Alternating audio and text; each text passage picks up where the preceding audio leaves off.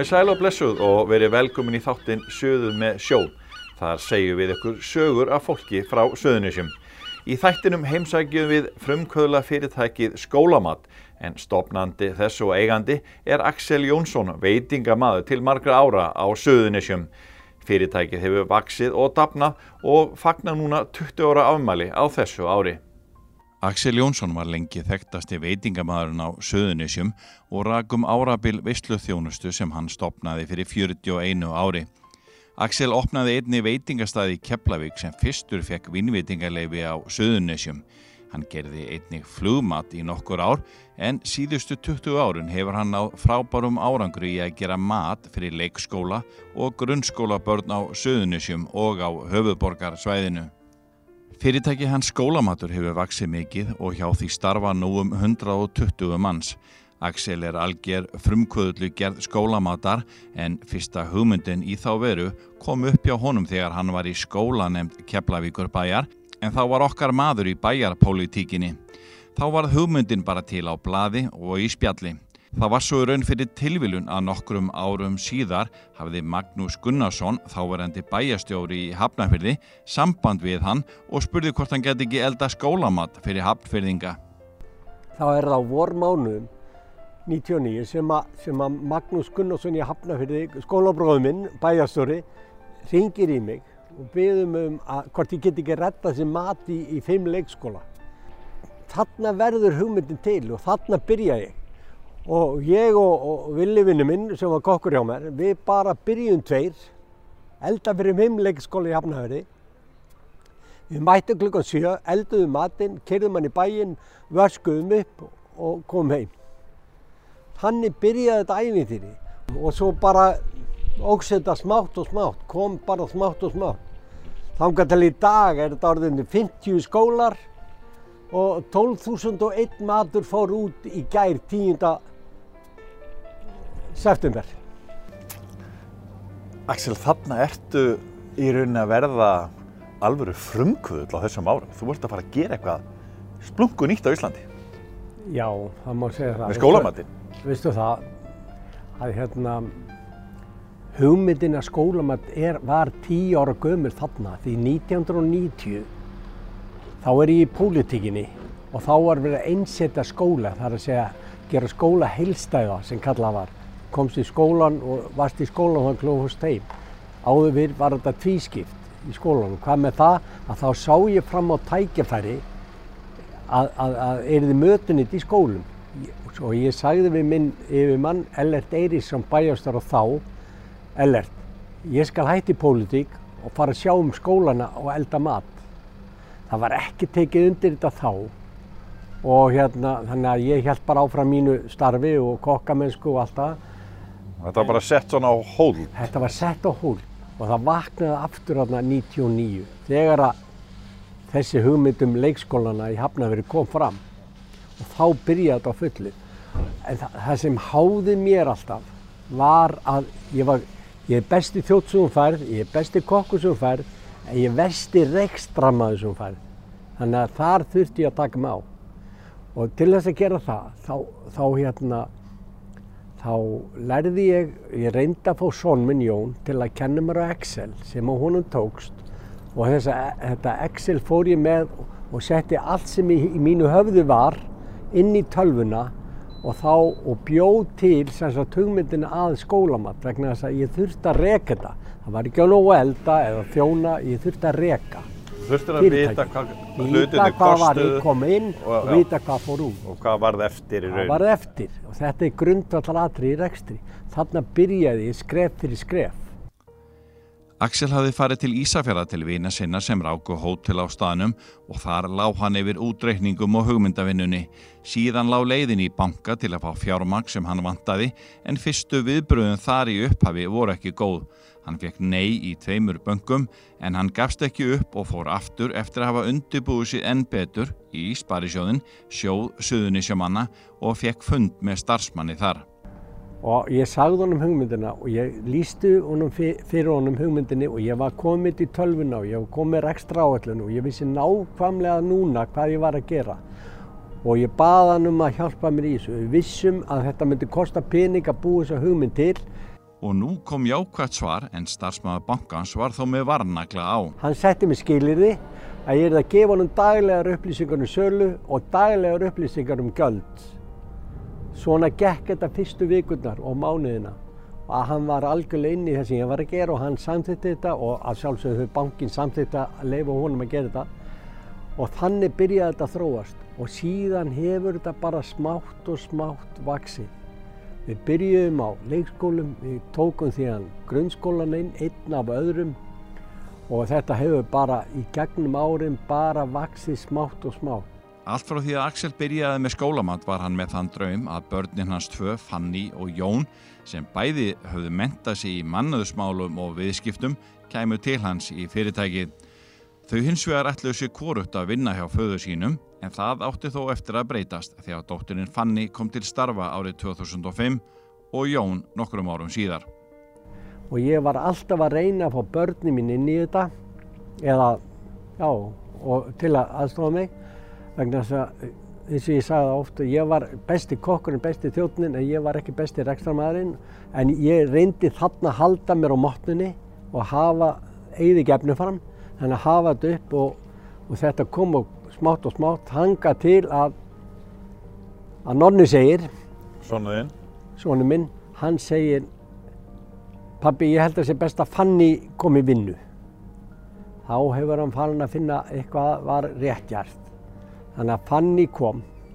Og Fanny er náttúrulega nagli. Hún er hörð og ákveðin. Og hérna hún gerði stókurslega hluti náttúrulega með starf, góða starffólksli sem við höfum alltaf haft. Og svo þróast það smátt og smátt þangar til að nonni hætti, hætti í hérna, bankanum og, og sóttum vinni í skólamatt. Var hann ráðinn? Hann var ráðinn og tók, þau tóku, börnin tóku þetta við og síðan liði árin þetta óks og óks og ég smátt og smátt fann það að ég fann fyrir olbúa. Þetta, ég var að verða gammal og hérna þau voru smátt og smátt að taka yfir, yfir þetta allt og Var það ekki bara gott? Það var náttúrulega það besta, það er stæðsti lottovinningu sem ég fengi á æfinni að börnin skildi taka við þessu vegna þess að þetta, þetta er allt öðru vísi í dag, allt öðru þessi hugsun, þetta, þetta er nútíminn, það er allt öðru þessi matsill, það er allt, allt annað að reyka fyrirtæki dag en var hérna í den. Þannig að í dag er þetta bara stórgóðslegt.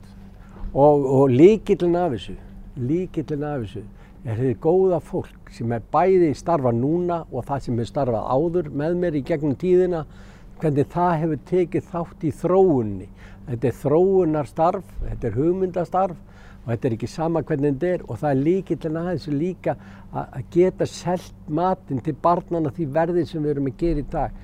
Það segi ég, það er, það er svona, ég líki börnunum mínum og fólkinu við listamenn. Þetta, þetta er list að geta þetta gert, þetta er lengri tíma á þess að illa fari.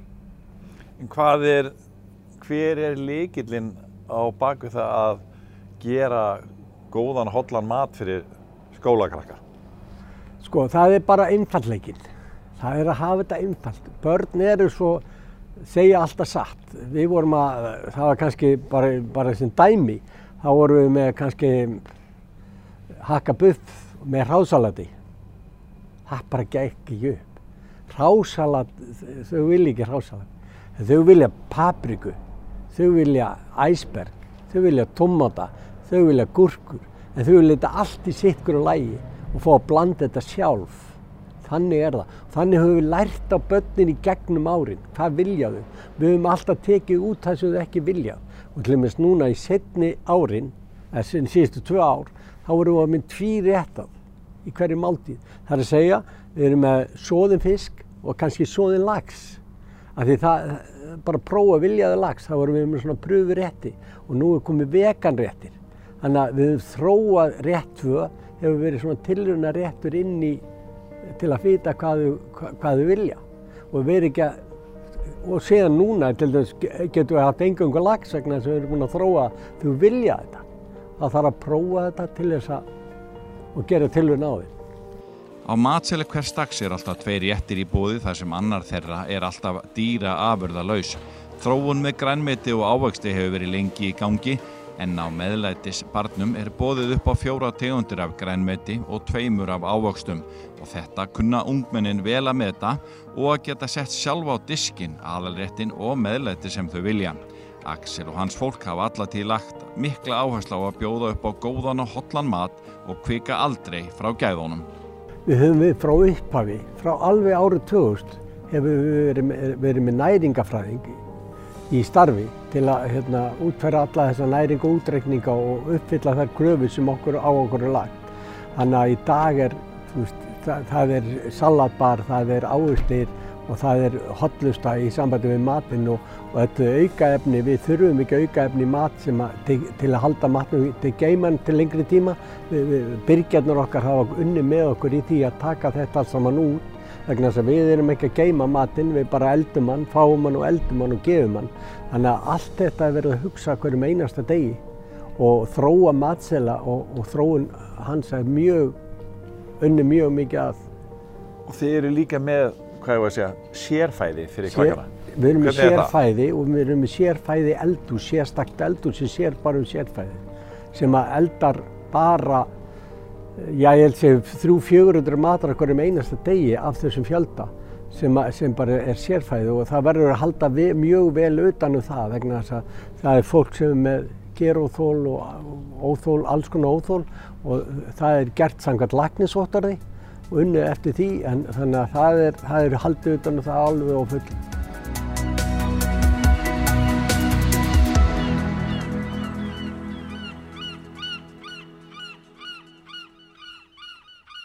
Komið sæl og verið velkomin með okkur í stutta kynningu á Söðurnesja magasíni, vikulegu mannlífstætti Víkurfrétta frá Söðurnesjum á Hringbraut.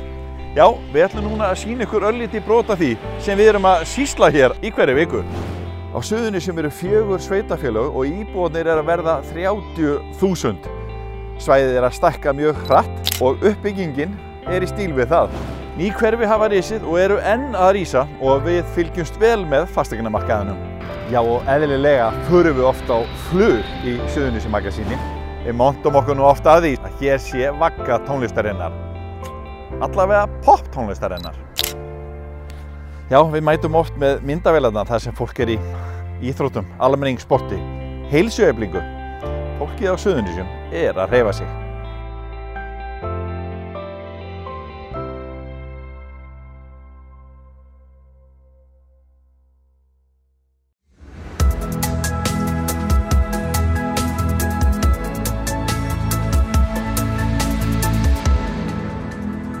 Var ekki há í loftinu þegar hún byrjaði að vinna með föðu sínum þegar hann var í veitingaþjónustu. Og ég byrjaði bara smástelpa og, og ég stóð upp kassa og var í uppvaskinu og, og, svona hjálpa til það sem ég gatt og kannski með mig vanta pössun eða eitthvað, ég veit ekki akkur þetta byrjaði þannig en þetta var rosa gaman. En ég ætlaði mér alls ekki að vinna hjá pappa mínum, eiginlega bara var það, það síðasta sem ég ætlaði að gera. Ég fór í viðskiptafræði og ég ætlaði mér einhverja aðra drauma heldur en, heldur en þetta. En mannusmálin voru og starfsmannamálin voru alltaf svona það sem ég hafði mestar, mestan áhuga á. Og hérna, svo var það 2005 að ég var bara í fæðingarólufi og, og hérna með stelpunum mín, hann Þornufrið, og hann kemur til mín og, og hérna, þá var ég starfsmannastjóri hjá öðru fyrirtæki í bænum og, og hann segir bara ég býð þér frangatastjórnstöðuna og þú bara kemur til mín og bara miklu betra að vera í Kefló og svona, vera hérna með fjölskylduna hér. Og ég bara slæði til, ég, ég var bara til ég að prófa þetta, fara út fyrir þegendaringin og bara pappi lofaði öllu fögru og skipta sér ekki neinu og ég fengi ráð öllu og það hefur svona gengið upp og ofan með að hérna, að, hérna láta, láta stjórn fyrir hann og fyrir mig. En hérna, þannig að þetta byrjaði bara svoleiðis. Þegar að, já, Og hvað ert að gera hjá fyrirtækjun í dag? ég er mannustjóri og, og hérna bróður minn er, tók við þegar ég átti mitt annað barn, þá tók hann við frangatastjórnstöðunni og hann hefur bara haldið því og allir sáttu við það. Ég er svona meiri í mannusmálunum og starfsmannmálunum og nonni í tölunum og, og, og fjármálunum og svoleiðis. Nú hefur fyrirtæki vaksið mikið uh, og hvað eru uh, margir starfsmenn hjá ykkur í dag? Heyrðu, við erum orðin 120 Þetta er orðið rosalega stort batteri. Við vorum að með minni 45 þegar ég byrjaði og það þótti bara hellingur. En já, nú við vorin 120. Og hvernig gengur að halda auðvitað um þennan þátt? Sko, við höfum haldið í þessari svona fjölskyldu stemmingu eða leggjum upp með það. Við erum fjölskyldu fyrirtæki, við erum að vinna fyrir fjölskyldur og við erum fjölskyldu og lítum á okkur sem slíka eða það er það sem við leggjum upp með. Eh, við hittustum reglulega, höldum í svona vinskapin utan vinnu og auðvitað þegar þetta eru svona stór hópur og þá hóar fólk sér saman kannski á vissum svæðum og slíkt en, en hérna, þetta gengur bara bísna vel og starfsmannaveltan er mjög lág fyrirtækinu, ég er rosa þakklátt og, og stolt af því. Jón kom úr bankageranum og tók með sér góða reynslu þaðan. Hann er mjög sáttur með gangmála hjá skólamann. Og það hefur bara gengið svakalega vel að þróa verkefni sem pappi startaði, að þróa það áfram til að halda utanum vöxtin sem kemur til vegna þess að kunnin er ránaður, við fáum fleiri kunna og það getur verið svolítið vandarsamt að fylgja því eftir og það er bara gengið vel. Við getum sagt að, að, að búið til skólamót á Íslandi sé frumkvöld á starf, pappið var einni frumkvöld í, í þessu verkefni. Hvernig, eh, nú hefur rekstur verið mísjafn í frumkvöla fyrirtökjum á Íslandi og oftast frekar erfiður. Hvernig, hvað, þetta er vaksið mikið og hvernig, hvernig gengur þetta? Sko pappi, hann, hann var ekki bara frumkvöld í þessu verkefni, pappi er frumkvöld, það er eiginlega, ef mann hægt að lýsa honum, hann er, það er ekki rétt að kalla hann matrislumann eða matrislumeistara eða veitingamæður er á betur við hann, en frumkvöld er hans lýsing, hann er þannig karatir og hann fær ennþanda í dag, ég segja á þryggjamánaði fresti, hugmynda ekkur alveg nýju eða nýjum útfæslum og það heldur okkur og svolítið tánum af því að við erum ekki alveg þannig sískinin, við viljum svolítið hafa þetta inn í meiri ramm en hann. En það, það, það frumkvöðul, hann þarf með sér gott fólk eins og við þurfum öll. E, sá sem er inn í rammanum, hann gerir ekkert nýtt kannski, en sá sem er alltaf að gera eitthvað nýtt, hann er ekki alveg alltaf á beinubröðinni og það er það sem okkur við tekist að vinna saman bæði þrjú en líka með okkar góða starfsfólki og stjórnundum að bæta hvert annað upp og það er líkillin, ég myndi segja að verið tveir líkill þættir í því að hafa breytt þessu úr hugmynd í framkvæmt í fyrirtæki sem að fungerar. Það er að hlusta á kúnan og ráða til sín gott fólk. Það er bara líkill þáttur að gera ekki bara vaði ekki áfram einn og, og, og halda maður veit allt best. En hvað segir Fanney um það að þau þrjú fjölskyldinu séu saman í þessu þó svo að Axel sé búin að draga sig aðeins úr daglegum rekstri? Þau eru líklega ekki alltaf sammála, er það? Við sjáum hlutina kannski frá svolítið ólegu sjónamiði sem er kannski líkillin að, að þessu samstarfi, held ég. Og svo mamma segir ekkert rosa mikið, en þegar hún segir eitthvað, þá hlustu við. Þannig að þegar við erum öll einhvern veginn annarkvöldur rosalega ósamala eða algjörlega samala, þá kemur mamma stundum inn og segir, heyrðu, fyrir ekki, hérna. Og þá hlustum við. Hvað heldur að sé svona líkillina af því að þetta hefur gengið vel núna þessi hugmynd sem að pappiðinn svona byrjar með að, að gera skólamat. Þetta hann var búin að vera lengi í veitingamennsku en þetta er svona hluti af því tengist í en þetta er samt öðru vísi. Hvað er það sem hefur drifið hann áfram öll þessi á? Veistu það, ég er samfarið um það að þegar þú hefur ástriðu fyrir því sem þú ert að gera þá gerur það vel. Og þetta fyrirtæki að pappi hann er besti afi í öllum heiminum og náttúrulega besti pappi en hann hefur svo mikla sko og það, það skemmtilegasta sem hann gerir er að gefa barnabörnunum sínum að borða og það að geta gefið 12.000 börnum að borða er bara eitthvað sem að hann gerir af, af ástriði og, og bara það, ég held að það sé líkilega með þessu fyrirtæki við erum hérna bara e, með hjartað á, á réttum staði í því sem við erum að gera. Við höfum farið mikla vinnu við það að skilgrana þetta hvernig við nálgumst þennan markað og læra á hann því þetta er rosalega sérhæður bransið sem við erum búin að koma okkur fyrir í. Þannig og þið eru ekki bara í Reykjavíkbæi eða á Suðunísum, þið eru miklu víðar. Hvernig gengur það? Það gengur Hvað eru þið? Við erum á Suðunísum, á all flestum skólum á Suðunísum. Við erum í Garðabæ og Hafnafjörðu, Kópu, Reykjavík og Moselsbæ. e, mismikið á þessum stöðum. Þannig að þetta, við erum hérna á suðvestur hotninu með okkar koncept og keirum matinn tilbúin til eldunar á þessa staði. Þannig að það er svona eh, fjallaðin sem að takmarka okkur þar og, og hérna, okkar koncept er þannig að við keirum tilbúið til þessa elda á stann. Hitt fólki í fjölskyldunum það kannski kvarta mikið í því og börnun okkar og svona við séum alltaf að tala um vinnuna. En þannig er þetta svolítið þegar mann er í þessari starfsemi mat hann getur ekki verið annað en ástríða. Ef menn ætla að fara að hafa þetta bara sem Excel-skjál og, og, og prósendur, að þá held ég að þetta fjari svolítið út. Menn verða að vera af þessu af, af, af ástríðu og, og áhuga og þannig gengur þetta. Að hafa að, sko, umhyggju fyrir verkefninu í þessum viðkvæmum bransa sem er að eiga viðskipti við ofnbæra aðila, heimili með mat fyrir börn. Þetta er svo margt sem getur klikkað í þessu að það þarf að stíga vallega hvert einasta skref sem gert er. Og ef að einhvern minnsta feilspóri tekið í þessu verkefni að vera rosalega fljótur að rétta kursin. Og þá virka vel að vinna sem hópur og, og nýta reynslu og þekkingu og horfa til framtíða. Nú förum við aftur í tíman til ásins 1983 en þá opnaði Axel veitingastæðin Glóðina í Keflavík og skömmu eftir opnunina fekk staðurinn vinnveitingaleifi, fyrstur veitingastæða á Söðunisjum. Axel rifja strax upp skemmtilega sögu þegar við spyrjum hann út í nýja tíma í veitingaþjónustu á Söðunisjum. Það er að bjóða vín með mat. Bæjafulltrúar í Keflavík voru meðal margra sem voru mjög ánaðir að geta komið á nýjan og glæsilegan veitingastað en kvöttu okkar mann til að sækja um vinnvétingaleifi. Og þeir fenguðu gratinir að ísu, nautasteik, lamp og hvað þetta var nú og þá sögður alltaf heimitu það vantar eitthvað. Já, það vantaði rauðinnið, það vantaði kvítinnið og það hefðu margir áður sótt um vinnvétingaleifi og enginn fengið. Og þeir sögðu við mig, þetta gengur ekki, við verðum að fá kvítinn með fiskinum.